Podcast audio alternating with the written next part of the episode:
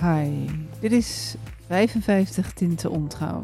Mijn naam is Annette Burgers. Ik ben de ontrouw-expert van Nederland. Ik maak deze podcast voor jou. Je bent vreemd gegaan of je gaat vreemd. Of je bent bedrogen. Of je bent de derde. Hoe dan ook, je loopt rond met schuld of schaamte en om jou heen zijn vooral oordelen. Elke aflevering een ander aspect van deze driehoeksrelatie. En voordat ik begin wil ik je alvast wijzen op mijn gratis aan te vragen e-book om jezelf weer op de rit te zetten en schuld en schaamte op te ruimen. En ook als je bedrogen bent, heb ik een speciaal e-book voor je. Hoe kom je eraan? Heel simpel. Stuur een e-mail naar info@youtubecoaching.nl en vraag het e-book aan. Vandaag Relatieherstel na ontrouw is mede afhankelijk van het relatieniveau. Wanneer heb je samen de meeste kans om de ontrouw in je relatie te overleven? Natuurlijk, daar wil je antwoord op hebben. En uh, ja, daar heb ik natuurlijk geen glazen bol. En een disclaimer: ik heb hier ook geen wetenschappelijk onderzoek naar gedaan. Maar dit is wat ik merk in mijn praktijk in mijn praktijk YouTube coaching. Uh, zit je relatie in niveau 1 of niveau 2, dan heb je wel heel veel achterstallig onderhoud aan je relatie. En dan is het een pittige kluif. Het is niet onmogelijk, maar het is keihard werken. Dat is trouwens ook als je relatie op level niveau 3 zit. Je moet sowieso hard werken aan je relatie en je moet elke dag weer opnieuw kiezen voor elkaar. Als je relatie op niveau 3 zit, en je goed vanuit behoeften en verlangens de ontrouw samen kunt analyseren met procesvragen, maak je een heel goede kans dat je relatie het redt en nog verbetert ook. Nou, dan ben je natuurlijk benieuwd. Dan zeg je, Annette, ja, wat is dat nou voor een uh, geklets over relatiesniveaus? Dan wil je weten wat voor niveaus dat zijn. Niveau 1, uh, eh, dat is de egoïstische liefde. Mijn behoeften komen eerst. Op dit niveau zijn jullie als partners gefocust op jezelf en op het vervullen van je eigen behoeften in de relatie. Dit kan ertoe leiden dat vertrouwen afneemt. Vertrouwen komt namelijk voort uit het geloof dat de relatie altijd voorop staat en dat partners onvoorwaardelijk voor elkaar klaarstaan als het nodig is. Ben jij er voor mij? Doe ik ertoe voor jou? Dat zijn de hamvragen. Als dit niet zo is, ontstaan er vaak veel conflicten en hebben jullie regelmatig discussie over wie er gelijk heeft, wie eerst gaat of wie zijn zin krijgt. Jullie zitten op dat moment in niveau 1, wat overigens iedereen wel eens overkomt in een ruzie of in een bepaalde fase van de relatie. Niveau 2, voorwaardelijke liefde. Ik geef jou als jij mij geeft. Op dit niveau is het voor wat hoort wat. Elk gebaar, elk cadeau, elk compromis moet gepaard gaan met een tegenprestatie. Er wordt alleen iets gegeven aan de ander om er iets voor terug te krijgen. In een relatie waarin liefde wordt geruild voor een gunst van de ander, is de relatie een rekensom. Het is haast handelswaar. Het wordt steeds moeilijker om liefde te ontvangen, omdat je niet weet welke prijs je ervoor moet betalen. Beide partners, jullie zijn beiden gericht op de gelijke uitwisseling. Dit dooft natuurlijk de spontaniteit en daarmee de passie. Elke relatie speelt zich regelmatig af op niveau 2. Het is wel cruciaal om voor een lange termijn relatie en voor een goede relatie om dit niveau te ontstijgen. Niveau 2, de voorwaardelijke liefde en de ruilhandel wordt zelfs wel eens toegepast met seks. Als een van de twee partners het gevoel heeft van ja, maar ik moet in jou investeren, ik moet begrip hebben voor jouw kinderen als het gaat om samengesteld gezin of dit of dat. Uh, en jij doet niks voor mij, dus ja, dan uh, heb ik ook geen zin in seks. En misschien denk je nou, Hoe kan dat nou? Maar ik kom het tegen in mijn praktijk. Niveau 3. Onvoorwaardelijke liefde. Partners willen elkaar vervullen. Dit is absoluut waar je wilt zijn in je relatie. Het niveau waar de passie rijkelijk stroomt. Beide partners houden onvoorwaardelijk van elkaar. Wat de ander ook doet en zegt. En je staat altijd voor elkaar klaar als dat nodig is.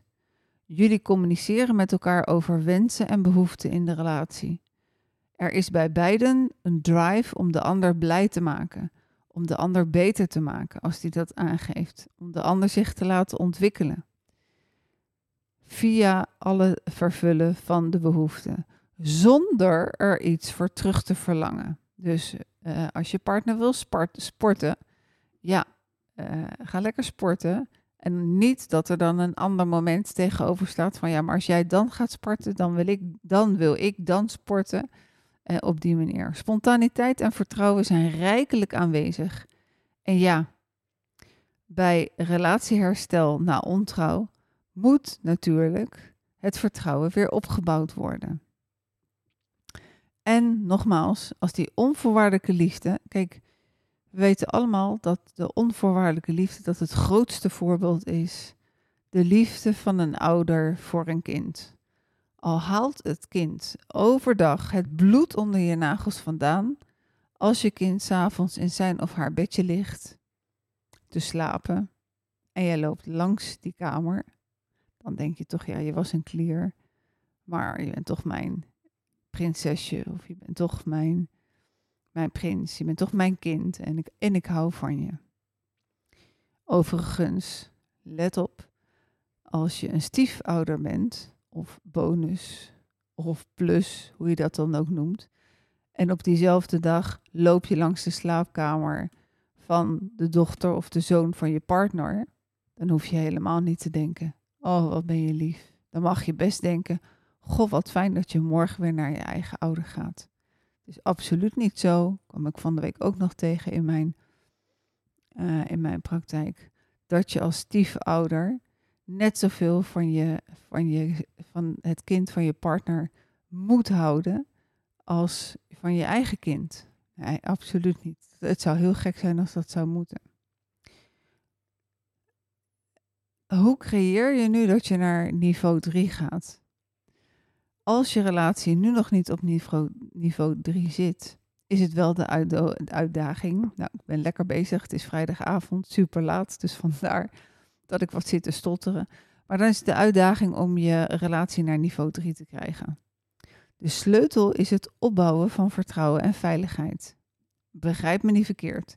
In elke relatie zijn er momenten waarop één of jullie allebei, en soms zomaar ineens, denken dat je niet geliefd bent. Op die momenten kan het zijn dat je terugvalt naar niveau 2 door te gaan wegen en tegenprestaties te vragen. Of in sommige gevallen met grote onzekerheid daal je zelfs ook wel eens af naar niveau 1 door enkel op je eigen behoeften te focussen. Zolang jullie relatie meestal op niveau 3 functioneert, kun je daar ook steeds nog naartoe terug. Het kan ook zijn dat jullie als partners op verschillende niveaus zitten. Bijvoorbeeld als de ene partner gericht is op het vervullen van de behoeften van de ander, niveau 3, en de andere partner gericht is op zijn eigen behoeften te vervullen, level 1. Echter houdt dit geen, dit houdt geen stand, want uiteindelijk zal je als partner op niveau 3 het vertrouwen gaan verliezen in je partner. Andersom is ook waar. Als, al, als de relatie al een tijdje op niveau 2 zit en een van de partners zich gaat richten op de behoeften van de ander zonder er iets voor terug te verwachten, zal de andere partner dit gaan merken en waarderen en zo kan je samen stijgen naar niveau 3. Het praten over behoeften en verlangens, en het is heel grappig, uh, op, op Videoland keek ik uh, Married at First Sight, uh, Mistake, or nou, weet ik het andere woord niet meer, um, match. Um, daar was het advies van de coaches uh, ook heel veel van praat over uh, behoeften en over verlangens. Dat ja, halen ze natuurlijk ook uh, niet nergens vandaan, want het is gewoon heel erg goed om daarover te praten. Wat niet betekent dat, de, dat je als partner altijd maar die behoeftes van je partner moet en kan vervullen. Nee, ik kan best wel zeggen van nou, ik heb er ontzettend veel behoefte aan. Als je me op dit moment uh, een, een lekkere omhelzing geeft, want ja, ik, ik voel me nu eventjes alleen. Maar we willen niet zeggen dat het moet. Maar in ieder geval is het goed om alle behoeftes uit te kunnen spreken. Het praten over die behoeften en de verlangens zijn dus een pre voor het herstel. De detective vragen waar ik het al vaker over gehad heb, zijn voor sommigen noodzakelijk om het gevoel te hebben de hele waarheid vast te hebben. Het verdient de voorkeur als deze detective vragen niet te lang doorgaan in de tijd. Het kan namelijk ook veel kapot maken. En daarom heb je heel goed na te denken en niet te pas en vooral te onpas deze detective vragen te stellen. Alle procesvragen zijn van belang en procesvragen kunnen ervoor zorgen, kunnen er het meest voor zorgen dat je begrip krijgt oh, hoe het heeft kunnen gebeuren en dat daardoor ook het vertrouwen herstelt. En ja, het is namelijk echt mogelijk om na ontrouw ofwel individueel en samen te helen en te groeien, en ook nog een betere relatie te krijgen en zelfs in sommige gevallen om weer verliefd te worden en relatie 2.0 of 3.0 te krijgen. Wil je weten hoe? Ga dan kijken naar mijn website www.youtubecoaching.nl Relatieherstel na ontrouw. Nou, dan zijn we aan het einde gekomen van deze zeer korte uh, podcast. En uh, dan wil ik alvast uh, je in ieder geval uitnodigen om deze serie, de vorige afleveringen te beluisteren. En om vanaf januari 2024 heel alert te zijn op ontzettend mooie interviews, interessante gesprekken met collega's in het land en zelfs in België. Ja, Dirk de Wachter staat ook op mijn lijstje, 22 december. Ga ik naar hem toe, ga ik hem interviewen. Als je het leuk vindt en je hoort deze podcast ruim voor 22 december en je denkt, oh Dirk de Wachter, ik ben benieuwd hoe hij, nou, uh, welke vraag er ook in je opkomt. Gaat natuurlijk wel over ontrouw. Stuur me je vraag op www of uh, info at youtubecoaching.nl. Zet in de titel Dirk de Wachter, mijn vraag. En uh, nou, als je een goede vraag hebt, dan stel ik hem. En uh, wie weet, ik denk dat ik. Uh, hij heeft namelijk een ontzettend mooi boek geschreven, Vertroostingen. En daar ga ik een. Dat boek ga ik meenemen. Ga ik vragen of hij zijn handtekening erin wil zetten. En voor degene met de beste vraag verloot ik dat boek. Nou, nee, dat kan, is natuurlijk raar. Maar degene die de beste vraag stelt, die krijgt van mij dat boek opgestuurd. Dus verzin een vraag en stuur hem op naar info.youtubecoaching.nl onder vermelding van vraag voor Dirk de Wachter.